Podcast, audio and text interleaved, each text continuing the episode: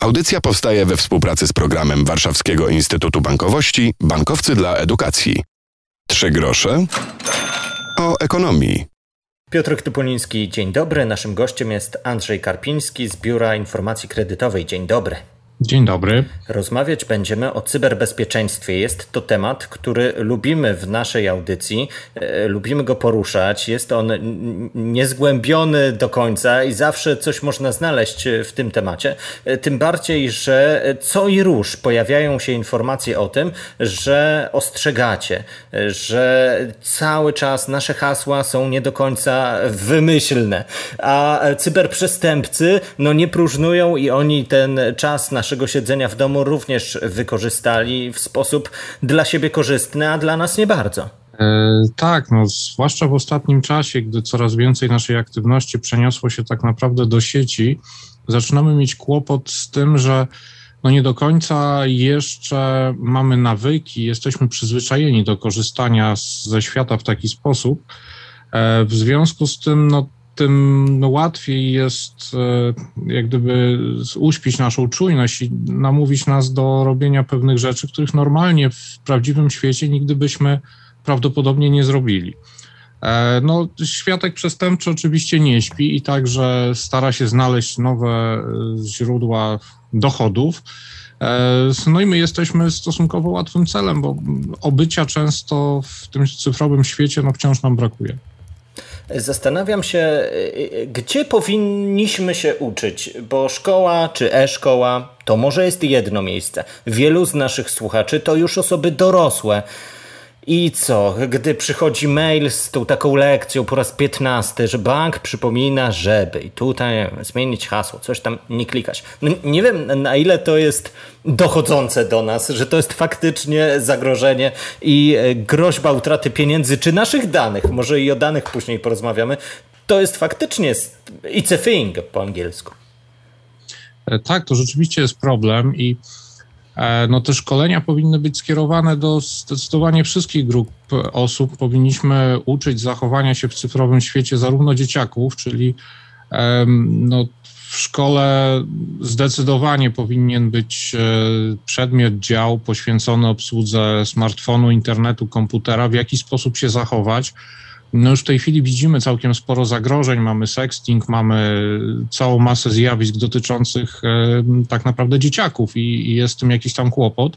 Natomiast e, oczywiście jest cała masa problemów, która dotyka także osoby dorosłe i no to są zwykle kwestie związane z e, naszymi finansami, choć oczywiście zdarzają się też dużo poważniejsze mm, przypadki, no bo jeśli ktoś zbierze na nas temat zbyt dużo informacji, to spokojnie może w ten sposób, nie wiem, zaplanować porwanie, szantażować nas, czy robić inne tego typu rzeczy.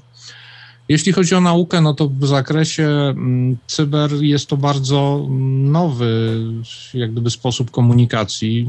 Cały ten nasz e, świat cyfrowy, no jeszcze 20 lat temu w zasadzie nie istniał.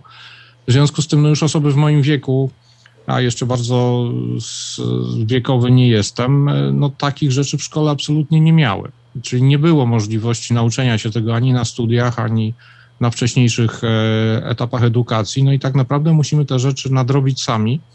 No w jaki sposób? No wszelkiego rodzaju mm, źródła informacji, jak chociażby ta nasza rozmowa, ta nasza audycja w tej chwili, no też są pewnego rodzaju formą e, edukowania, formą nauki. PIK jest e, inicjatorem programu Nowoczesne Zarządzanie Biznesem, jednocześnie partnerem w module Zarządzanie ryzykiem w biznesie i życiu osobistym. No okej, okay, było przez chwilę o, o, tym naszym prywatnym cyberbezpieczeństwie, ale to wciąż co i rusz jest tematem w firmach, by nie otwierać załączników. Kiedyś były różnego rodzaju blokady na pendrive'y, a dzisiaj e, żyjemy w chmurach, wymieniamy się na pulpitach zdalnych informacjami i to również jest e, pole bitwy między między nami a cyberprzestępcami. E, tak, jak najbardziej. No, jest, tym, tym duży kłopot. E, nie mamy tak naprawdę właściwych nawyków i nie mając tych nawyków, no czasami nieświadomie otwieramy załącznik, otwieramy dokument, odpowiadamy na jakiegoś maila podając swoje dane, a w ostatnim czasie odbieramy telefon i zaczynamy rozmawiać podając swoje informacje, bo ktoś zadzwonił z numeru łudząco przypominającego prawdziwy albo wręcz wyświetlającego się nam jak e, prawdziwy numer. I tak naprawdę no, posiada wykradziony wcześniej jakiś zestaw informacji o nas, uwiarygadnia się i ciągnie nas za język, no, próbując jak gdyby zmusić do E, podania danych czy do wykonania określonych czynności, które no, mogą skutkować niekorzystnym rozporządzaniem mieniem czy, czy stanowić jakieś inne zagrożenie dla nas.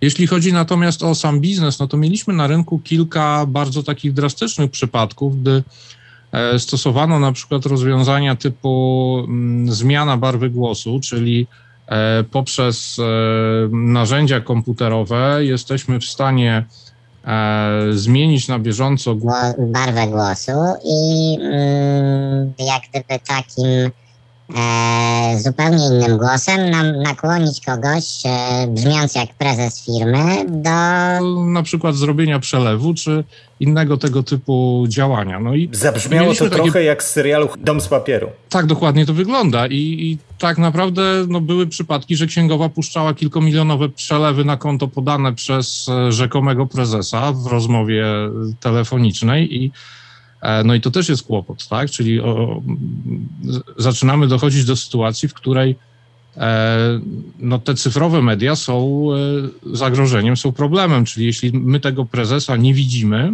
nie wiemy, że to jest on, nie potwierdziliśmy jego tożsamości, no to być może ta rozmowa telefoniczna czy mail to jest trochę za mało, żeby wykonać określoną operację. Tego typu problemy dotyczą też e, osób publicznych. Mieliśmy tutaj przykład chociażby prezydenta Otwocka, który no tutaj bardzo fajnie się zachował, bo publicznie opowiedział o tym, co mu się stało. Otóż skradziono mu dane i wzięto na jego dane e, kilkanaście kredytów. E, po prostu został założony dowód kolekcjonerski, tak zwany, no i z tym dowodem, z jego kompletem danych, z informacjami o nim, e, ktoś przeszedł się po bankach i wziął kredyty, przedstawiając się jako ta osoba. No i znów mamy jakiś tam kłopot, co w takim przypadku zrobić, jak do tego podejść.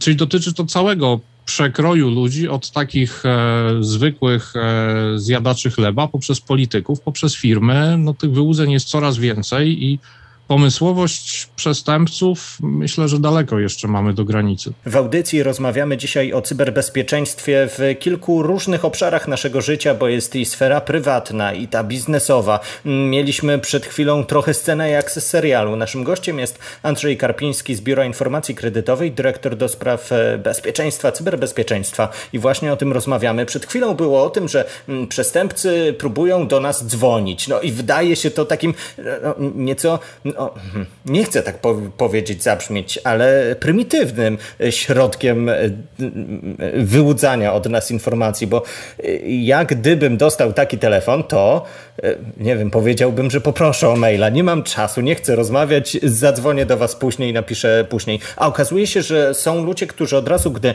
słyszą, widzą numer inny, poważnie wyglądający, jak z biura banku, to dają się w to wrobić. I scenariusze też są dość e, zaawansowane, to znaczy przeklikiwanie jesteśmy do kolejnych biur i to wszystko brzmi bardzo poważnie. I tu bach, na końcu nieszczęście.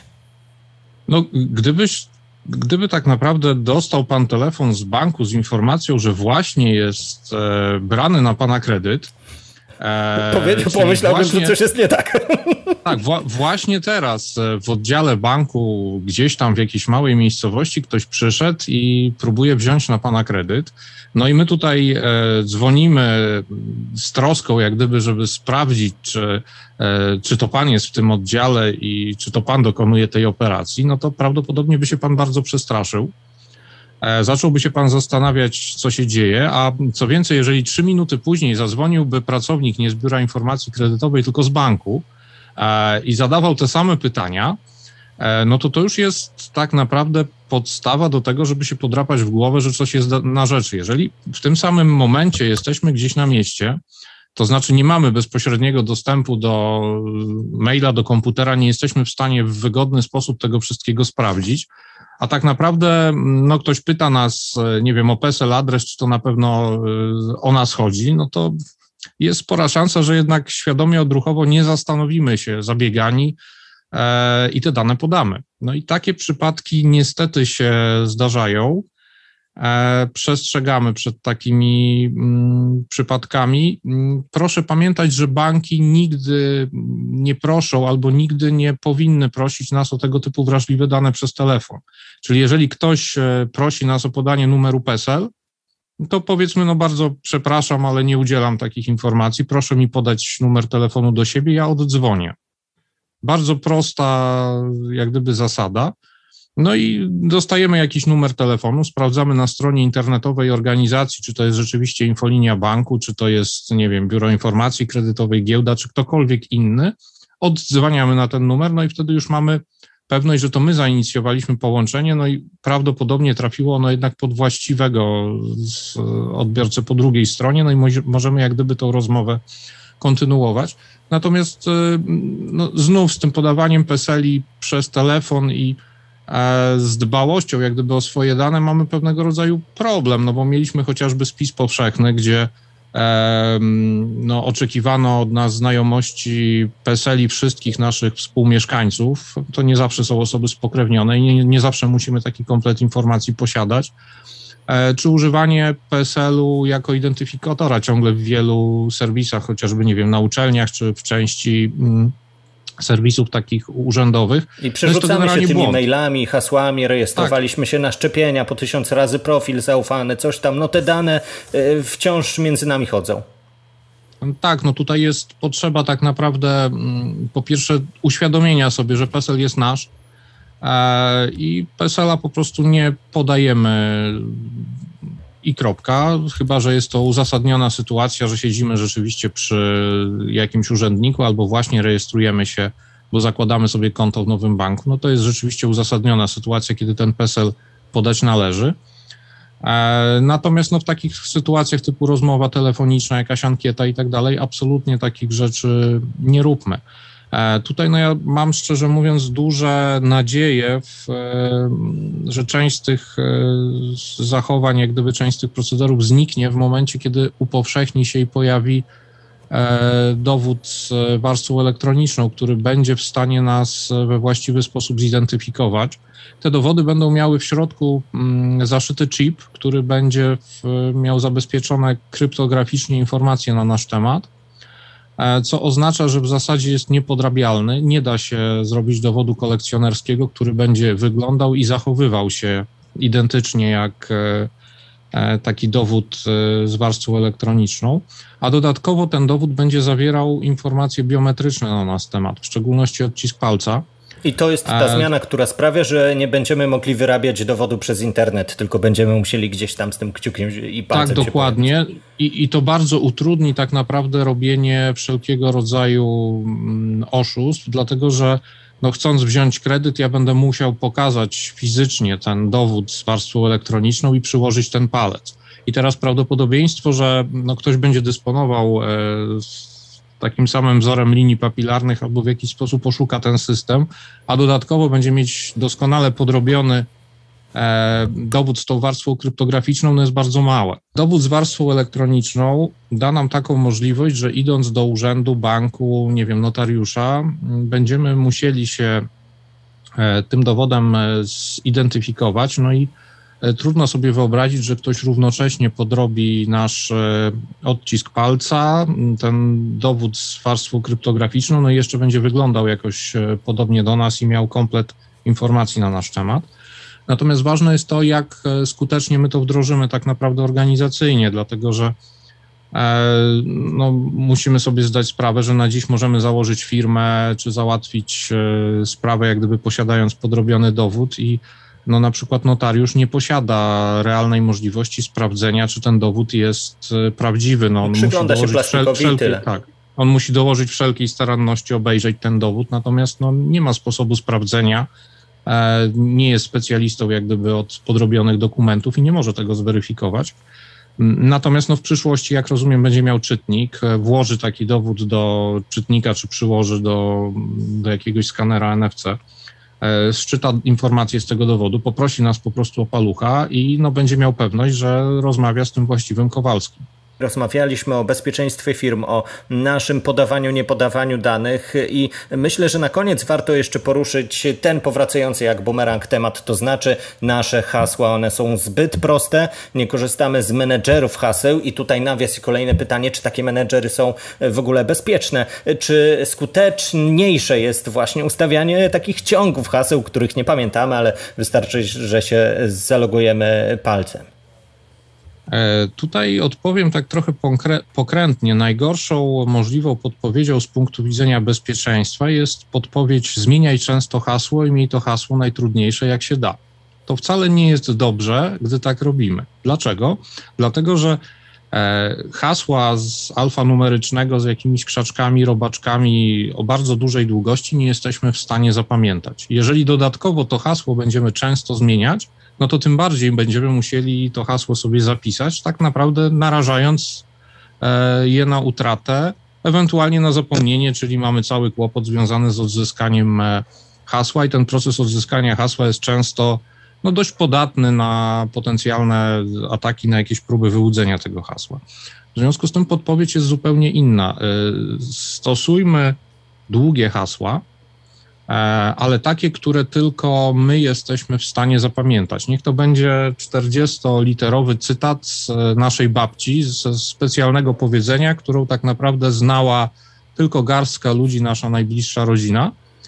E, I jeszcze babcia pewnie mówiła mm, gwarą, w związku z tym wybrane literki będą pozmieniane, a z naszej własnej inwencji czwartą literę zmienimy na e, krzaczek, natomiast na samym końcu dodamy tylko nam znaną cyferkę. Tego typu 40 e, znakowe, jak gdyby hasło znane tylko nam, będzie w zasadzie nie do złamania. Nie, nie da się tak długiego hasła e, w sensownym czasie przeliczyć i sprawdzić, czyli e, to jest dobre zabezpieczenie.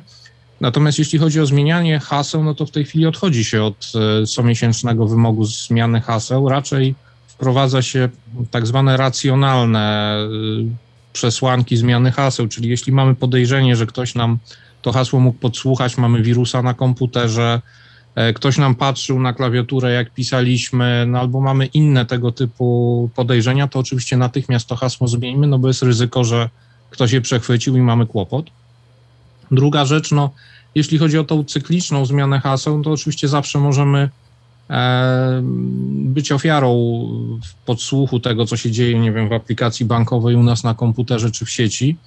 E, I to hasło może gdzieś po sieci krążyć, w związku z tym no, co jakiś czas warto by je zmienić, natomiast no, nie co miesiąc.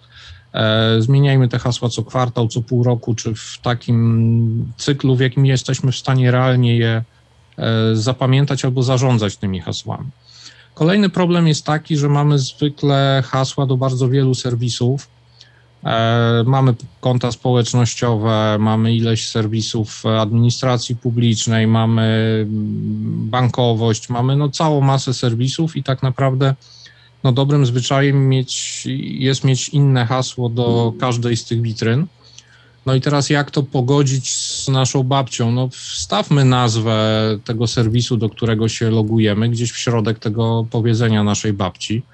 A, I to już wystarczy tak naprawdę, żeby te hasła się od siebie znacząco różniły, mm, żeby były niełamalne no i żeby były inne w e, każdym serwisie. No i żeby jeszcze głowy na to wszystko starczyło. I żeby głowy na to wszystko starczyło, tak. No, kolejna rzecz to oczywiście stosowanie menadżerów haseł. To jest bardzo dobry pomysł. E, natomiast no, po pierwsze był atak na jeden z popularnych menadżerów haseł w ostatnim czasie. Te hasła wyciekły no i mamy jakiś tam kłopot, więc tutaj trzeba ostrożnie dobierać narzędzia. E, druga rzecz, pamiętajmy, że no, menadżer haseł jest też chroniony hasłem albo pinem. E, no i po co nam bardzo skomplikowane hasła, jeżeli PIN do menadżera haseł jest 1, 2, 3, 4, tak naprawdę to wtedy przestaje mieć, e, mieć jakikolwiek sens, więc tutaj racjonalne korzystanie z menadżerów haseł.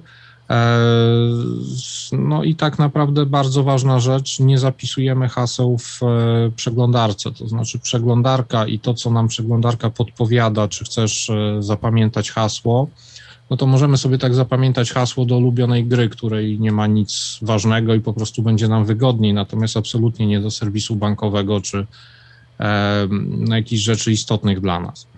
E, dobrym rozwiązaniem, w zasadzie najlepszym, jest e, no, stosowanie rozwiązań, w których to hasło jest zastępowane jakimś e, narzędziem kryptograficznym. Może być to, mm, nie wiem, uwierzytelnianie kluczem Ubik, może być